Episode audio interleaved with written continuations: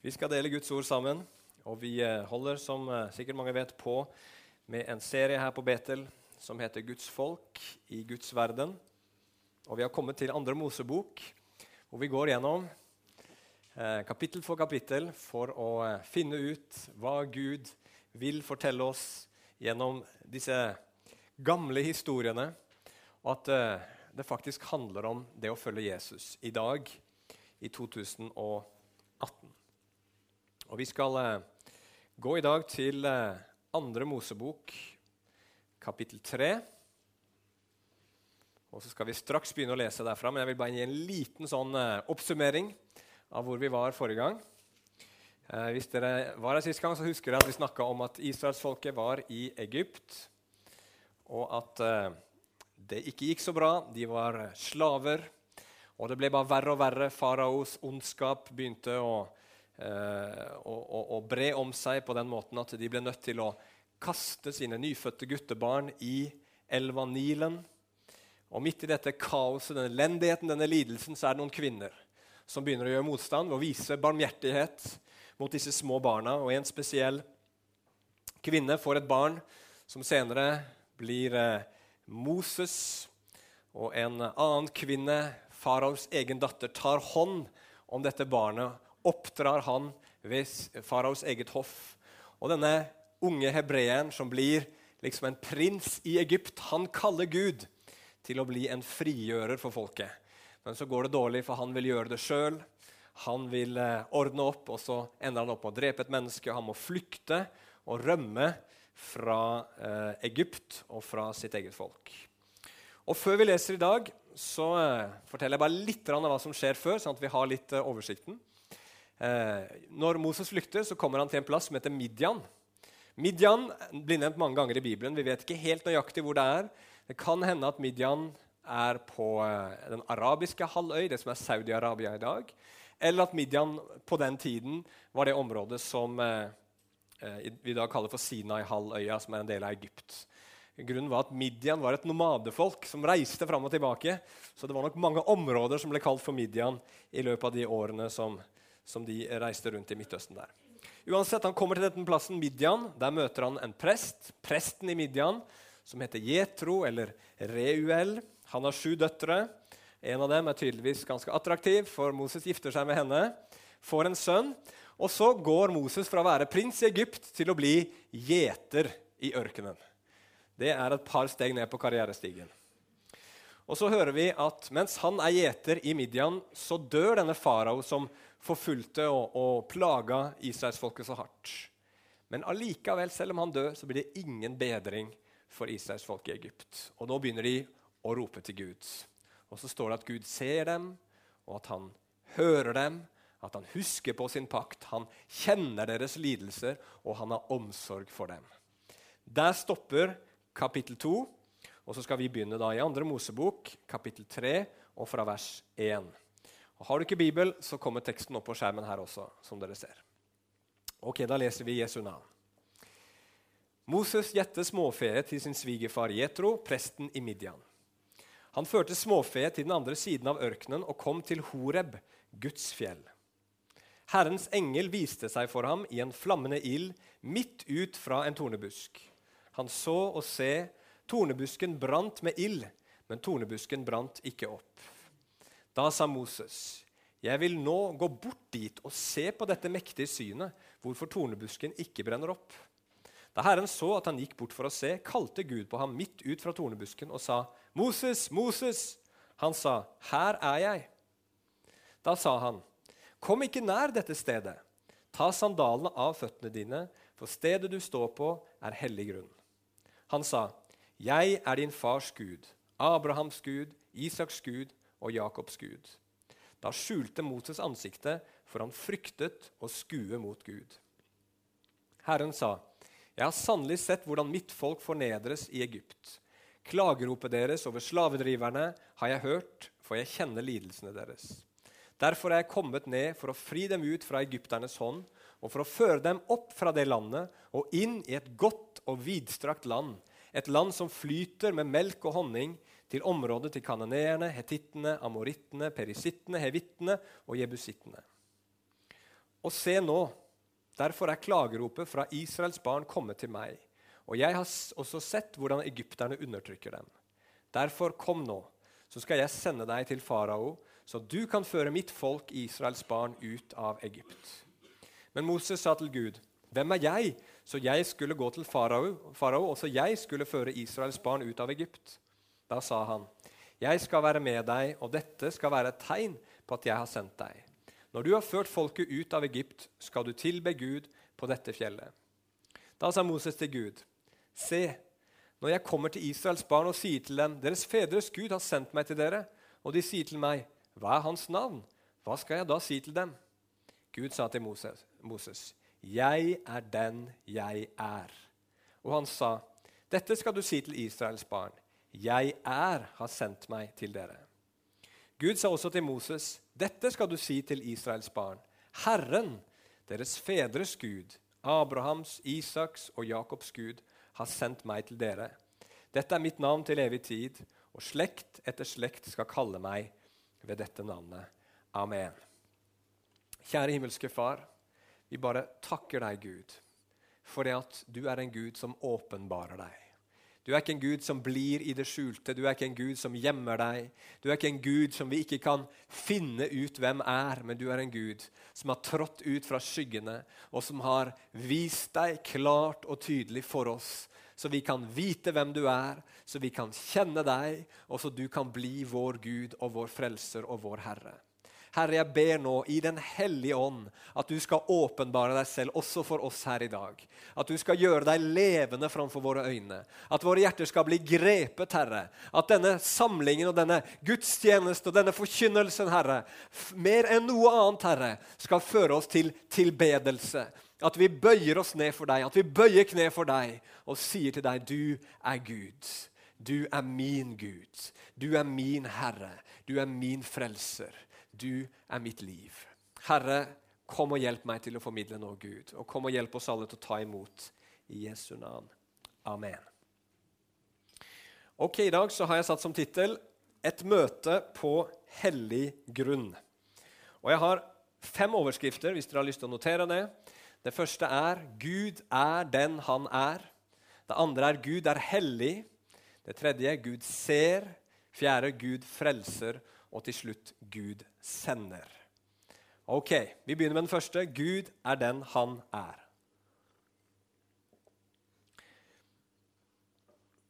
Når eh, Moses er ute på, eh, i ødemarken med sauene sine, så ser han noe denne dagen som han antageligvis har sett før. En busk som står i brann. For det skjer ikke så rent sjelden visstnok i ørkenen at noen av disse buskene noen ganger, i all den tørken som er der, og i den varmen som er, faktisk begynner å brenne. De selvantenner.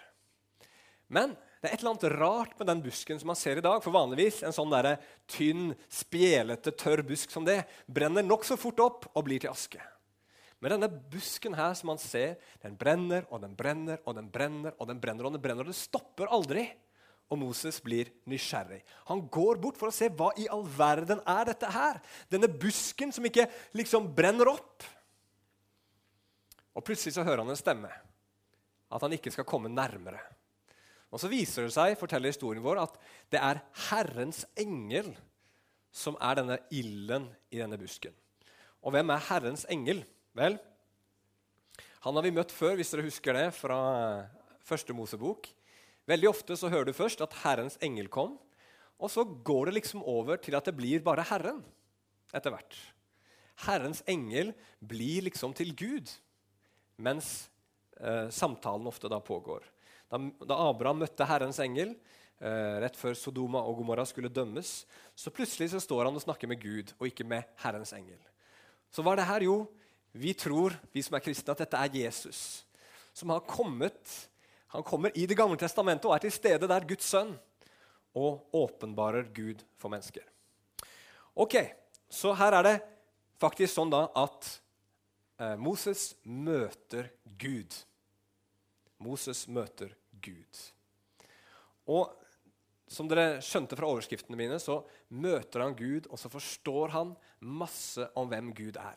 Men den tingen som kanskje er mest som, som pirrer nysgjerrigheten vår mest, og som er mest interessant, syns jeg, denne historien her, det er at Gud det som, det som vi ser helt i slutten, det er at Gud åpenbarer seg som 'jeg er den jeg er'.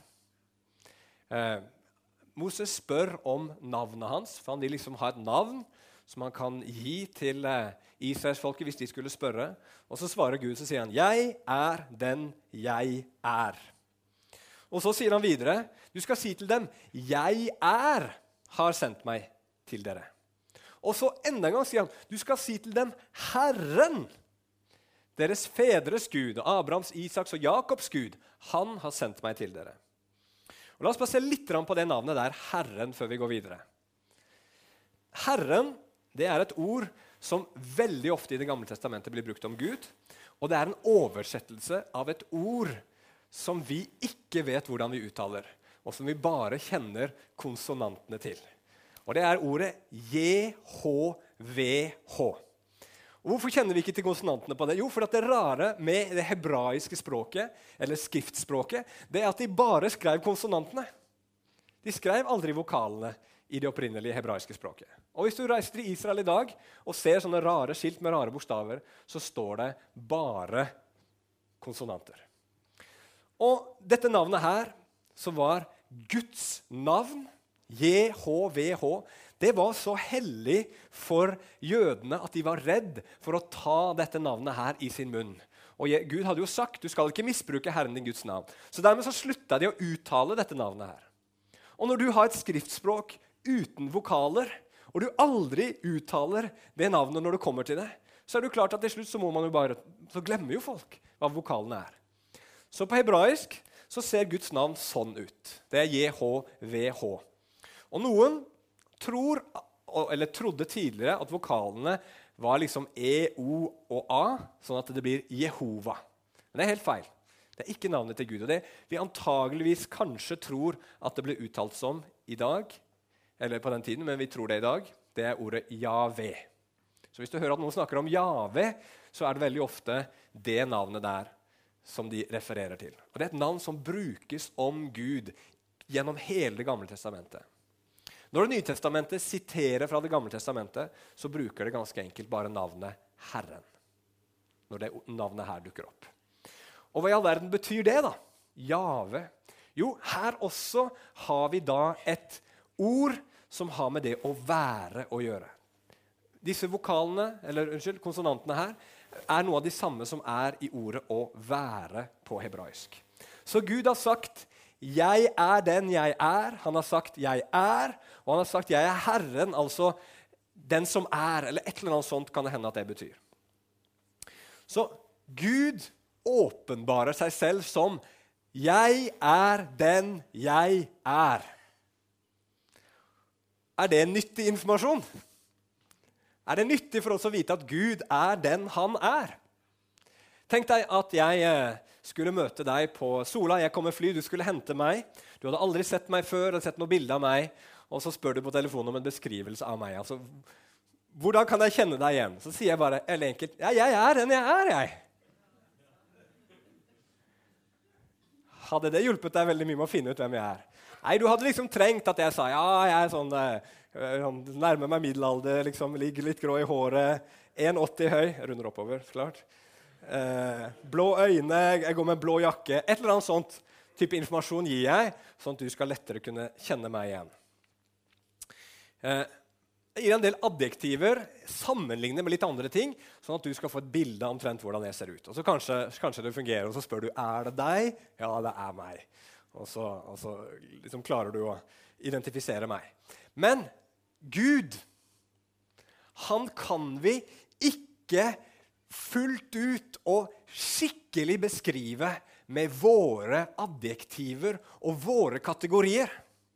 Kan ikke måle Gud i centimeter, for Gud han er utenfor rom. Og du kan ikke måle den i vekt heller. Du kan ikke måle Gud i alder for han er utenfor tid. Du kan ikke liksom beskrive Guds utseende, for Gud, står det i Bibelen, er ånd. Ja, han er skaperen av alle ting. Altså alt som finnes, har sitt opphav i Han. Og det står til og med i Bibelen at han holder alle ting oppe med sin munns ord. Det vil si at din eksistens blir holdt oppe av Gud akkurat nå. Da skjønner vi at her har vi med en person, en Gud, å gjøre som er så enorm, så annerledes, så utenfor vår fatteevne at den beste måten å beskrive han på er ved å si jeg, at han er den han er. Han er den han er. Hvordan kan vi beskrive hvor fjernt Gud er fra oss? Jo, vi kan prøve å sammenligne det med Ibsen og Per Gynt. Er det noen som har lest eller sett teaterstykket Per Gynt her noen gang? Nei? Ikke jeg heller. Men det jeg vet, det er at Ibsen han skrev Per Gynt, og det er en av hans mest kjente stykker. Og Per Gynt Har han noe som helst mulighet til å vite hvem Ibsen er? Kan liksom Per Gynt finne ut at det finnes en Ibsen som har skrevet den historien om han? Altså, Den eneste måten Per Gynt kan kunne, eller mor Åse for den saks skyld, det er de to jeg kan fra stykket, kan vite noen ting som helst om Ibsen, det er hvis Ibsen skriver informasjon om seg selv inn i det stykket han skriver. Han kunne til og med skrevet seg selv inn hvis han ville det, i stykket om Per Gynt. Og Noen tror til og med at Per Gynt er Ibsen, men det er en helt annen sak. Men poenget er altså det at Per Gynt kan ikke vite noen ting om Ibsen hvis ikke Ibsen selv bestemmer seg for å gjøre seg selv kjent for Per Gynt. Nå vet vi at Personer som finnes i et teaterstykke, ikke eksisterer i virkeligheten, men det er en sammenligning mellom oss og Gud.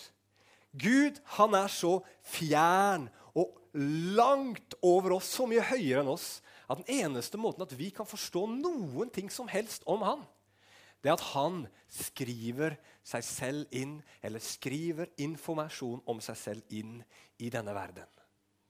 Og det er det Gud gjør her akkurat nå. Og det kaller vi for åpenbaring. At Gud, som ikke vi med våre tanker og vår forstand kan begripe, allikevel gjør seg kjent for oss. Og det er noe som eh, Moses får erfare her, og noe vi også kan erfare når vi leser denne boka. her. Dette er en åpenbaringsbok hvor Gud gjør seg kjent. Så Gud han er den han er, men han har gjort seg kjent for oss gjennom det som står her i Bibelen.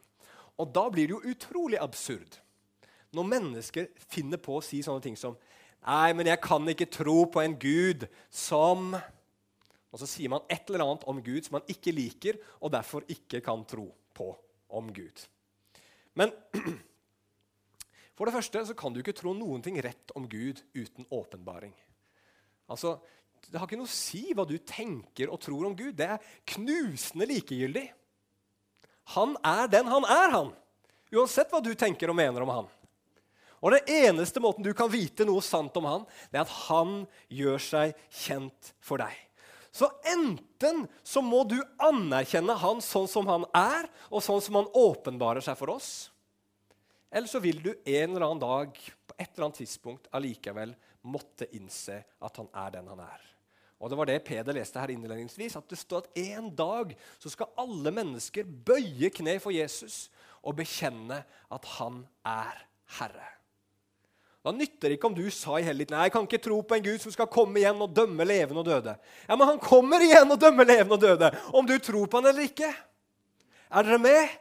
Han er den han er, og vi er små, begrensa skapninger. Og vi har bare én mulighet, og det er å akseptere han sånn som han er. Og heldigvis så er Gud sånn som han er, en fantastisk god Gud. Og Det første Gud beskriver seg som i denne teksten vi nettopp leste, det er at han er hellig. Gud er hellig. Og Vår gode venn Moses her, han får beskjed av Gud om å ikke komme nærmere. Da skjønner vi at her er det fare på ferde. Ikke sant? Ikke kom nærmere! Da er det et eller annet vi skal passe oss for når noen sier det. Og Så får han beskjed om å ta av seg sandalene. Og Den skjønner ikke vi helt, for vi er ikke fra Midtøsten. Men i Midtøsten så er det å ta av seg sandalene et tegn på respekt. Så her ber Gud Moses om å ta av seg sandalene av respekt, fordi nå er han på hellig grunn. Hellig grunn. Og Hvorfor er han på hellig grunn?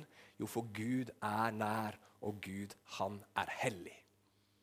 Og Dette her er faktisk første gang i Bibelen at Gud åpenbares som hellig. Og Så lurer vi litt ja, men hva i all verden betyr det at Gud er hellig. Og Jeg har fått det privilegium denne uka her å sitte og tenke litt på det. Hva betyr det at Gud er hellig? Og Jeg kom fram til følgende. For det første så betyr det at Gud han er adskilt fra, og han er ren for alt som er ondt som er mørkt, og som er usselt, og som er liksom urent. Gud, han er adskilt fra alt det. Men ikke bare er Gud adskilt fra alt det, men at Gud er hellig, betyr at alt godt som er i Gud, finnes i rent konsentrat, hvis man kan si det på den måten, i sin ypperste form. Gud er kjærlighet i ypperste form, i rent konsentrat. Gud er rettferdig i sin ypperste form og i rent konsentrat. Gud er god, Gud er sannhet, Gud er alt det gode han er, i ren og ypperste form. Og det betyr at Gud, han er vidunderlig. Han er så vakker, og han er så verdt tilbedelse pga. at han er hellig i sin natur. At det står det at når du og jeg eh, kommer inn i himmelen, og Noen mennesker i Bibelen får et blikk inn i himmelen, så fins det engler rundt Guds trone. Og i glede og i jubel så roper de dag og natt Hellig, hellig, hellig er Herren, herskarenes Gud. Sånn er vår Gud. Han er vidunderlig, og derfor er han verdt vår lovsang. Men så finner vi også når mennesker kommer inn i himmelen i Bibelen, får se et glimt av Guds herlighet, og englene roper 'hellig, hellig og hellig', så roper veldig ofte de menneskene 'ved meg'. Ved meg, sier Jesaja f.eks., for, for jeg er en mann med urene lepper, og jeg bor blant et folk med urene lepper, sier han.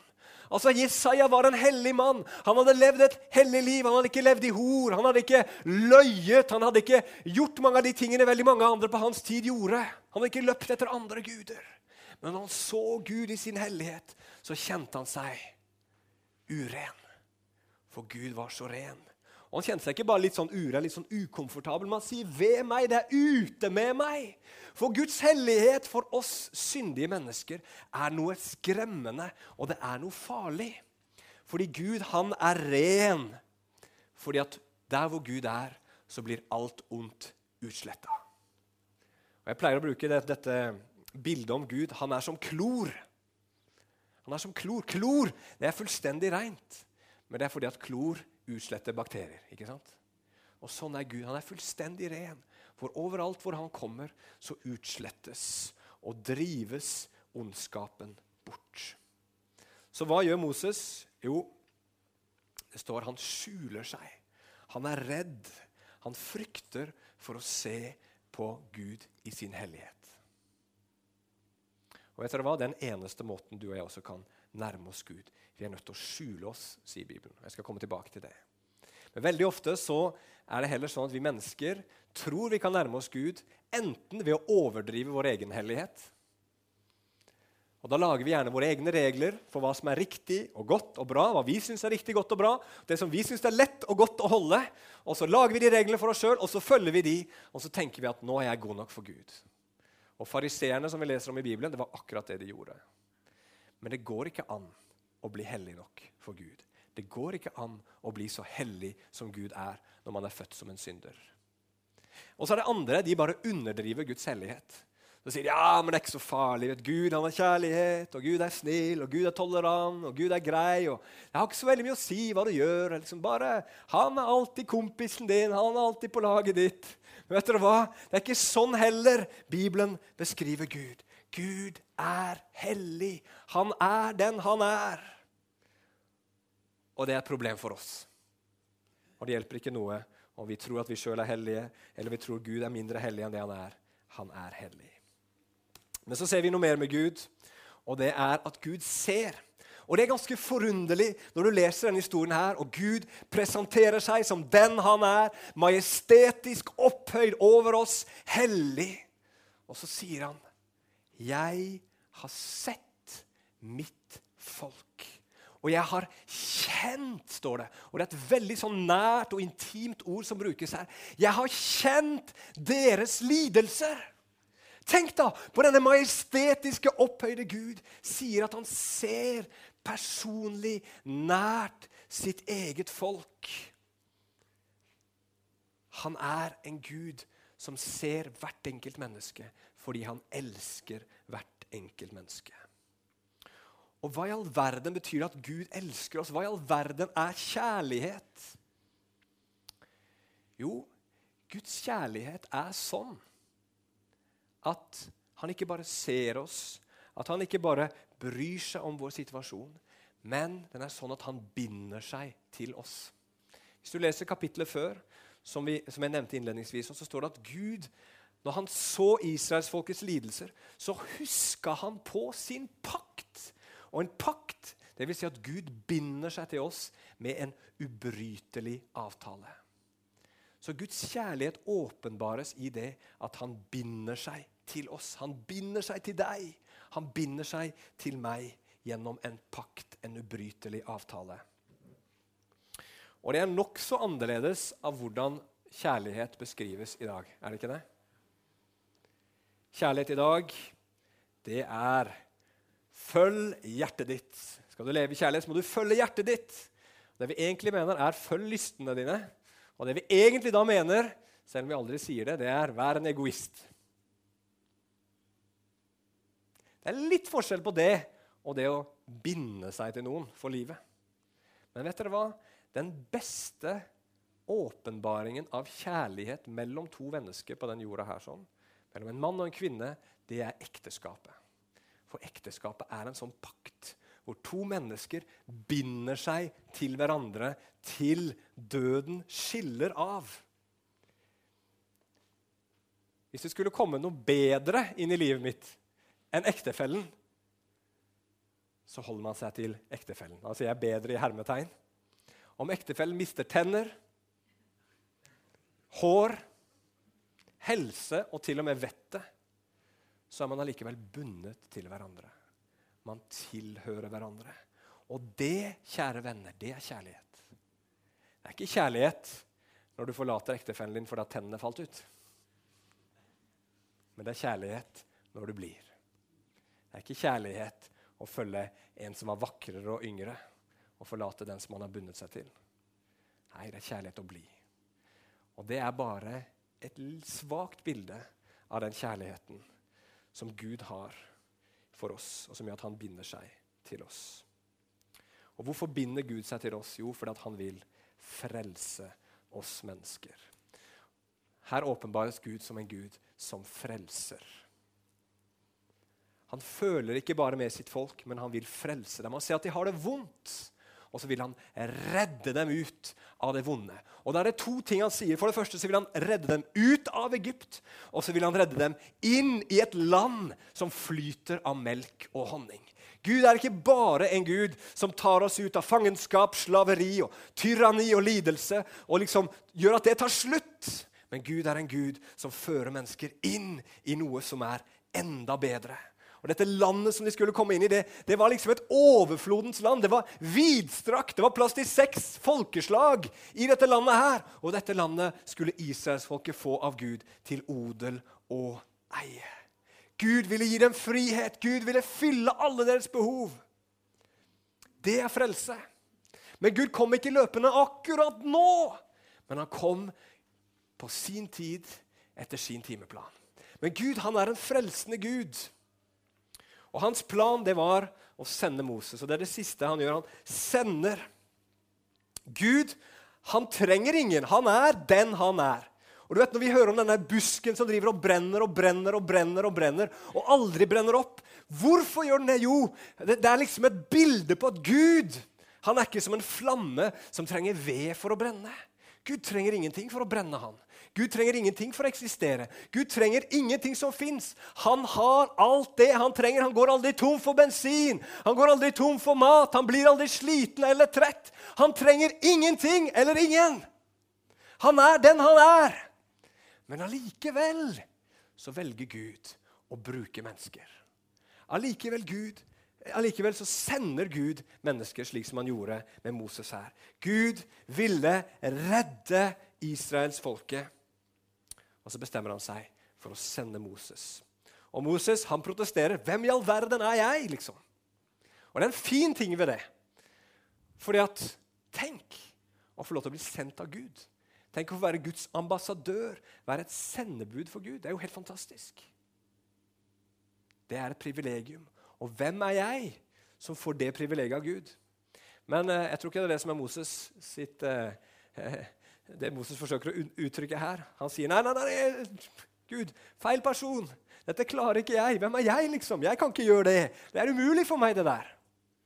Hva svarer Gud da? Han sier ikke jo, jo, jo, Moses, du er rette mannen for oppgaven. Husk det. Du har vokst opp ved faraos hoff. ikke sant? Du kjenner alt, og du vet hvem som er hvem, og du vet hvordan du skal snakke. og Du har liksom all opplæringa. Og ikke nok med det, du er jo en ekte israelitt. og liksom Du har en skikkelig godt stamtre.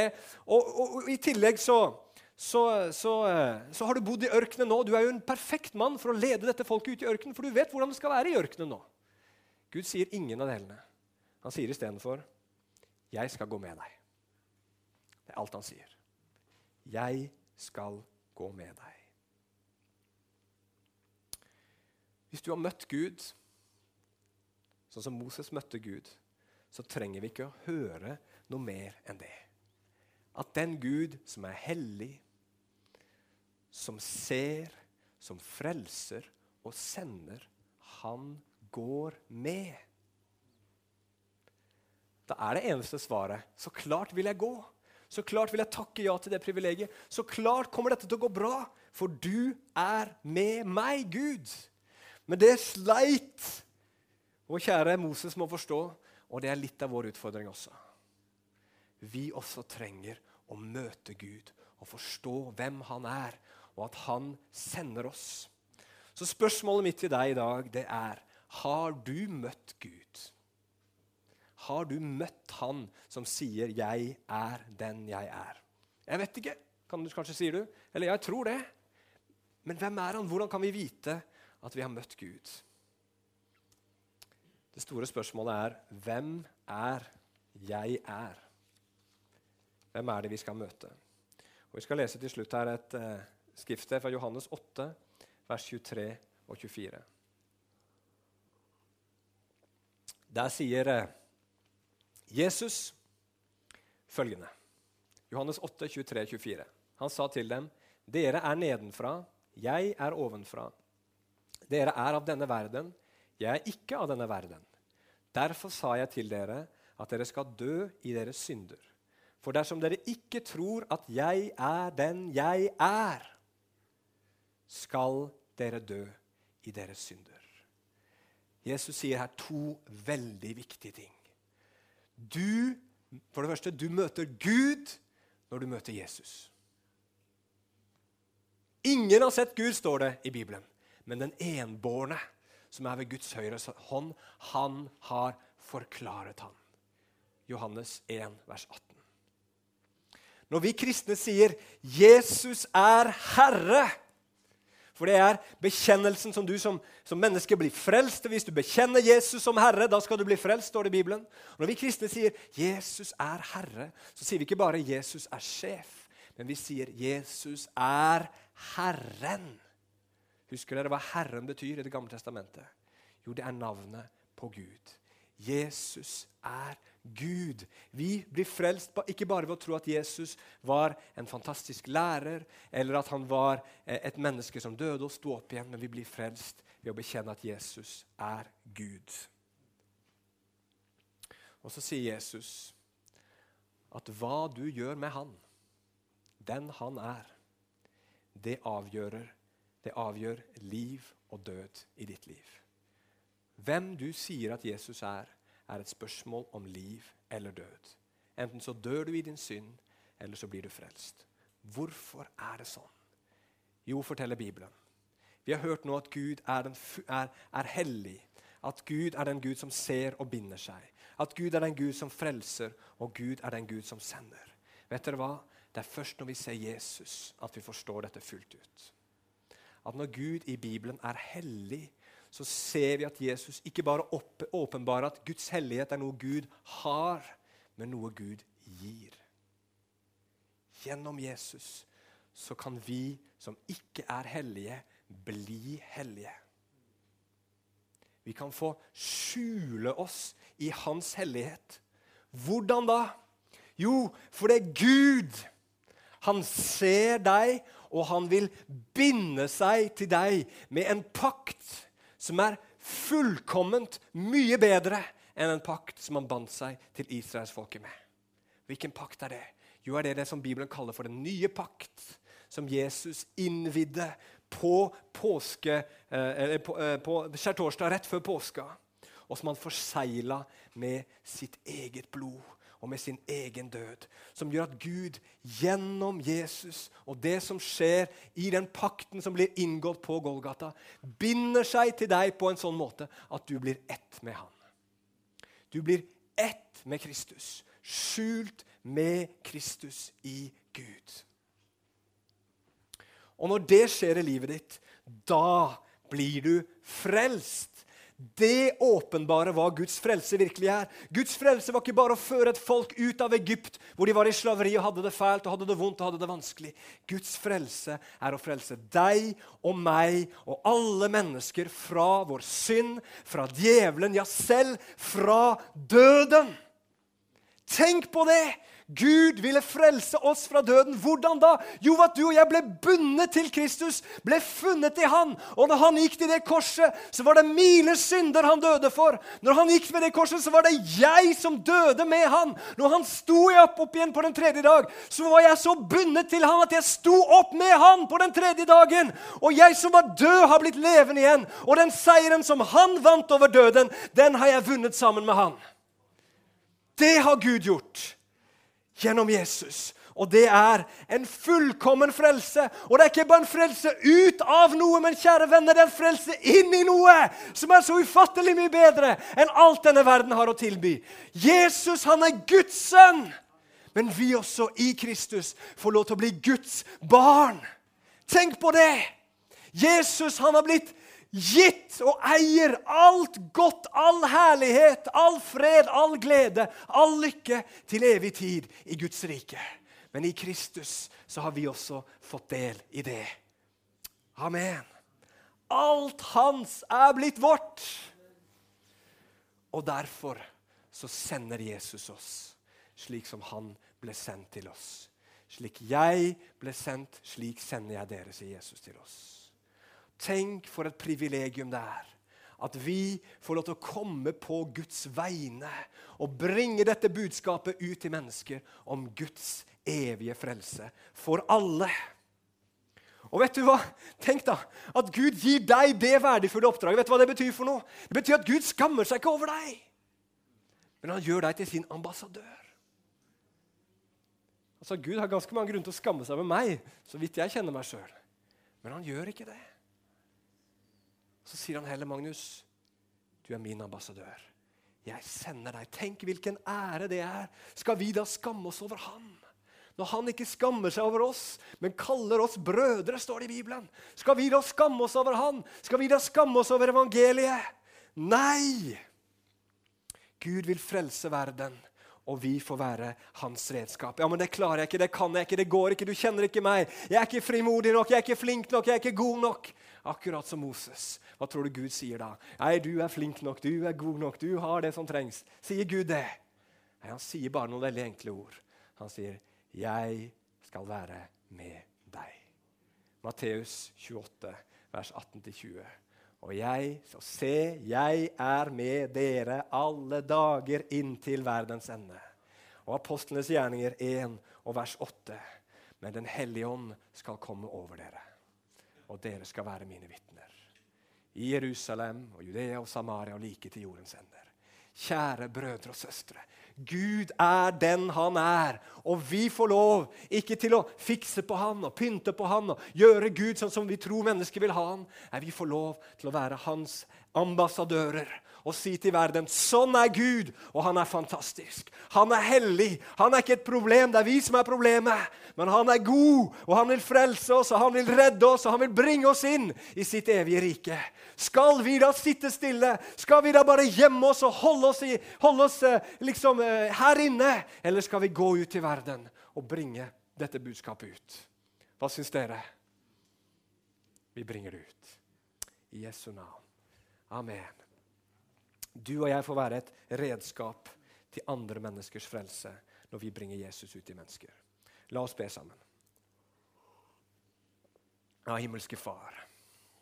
Herre, jeg bare takker deg, Gud, for at du er den du er.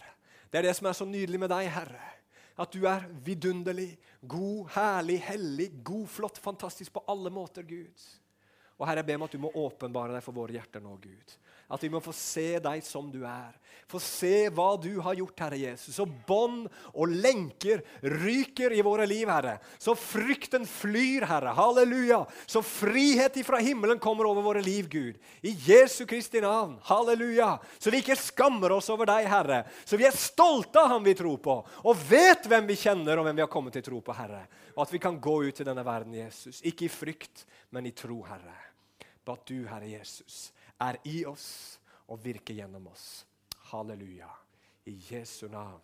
Og på samme måte som du var med Moses, Herre, som vi skal høre om framover nå, så er du med oss, Herre. Og du kommer ikke til å svikte oss. I Jesu navn. Amen. Amen.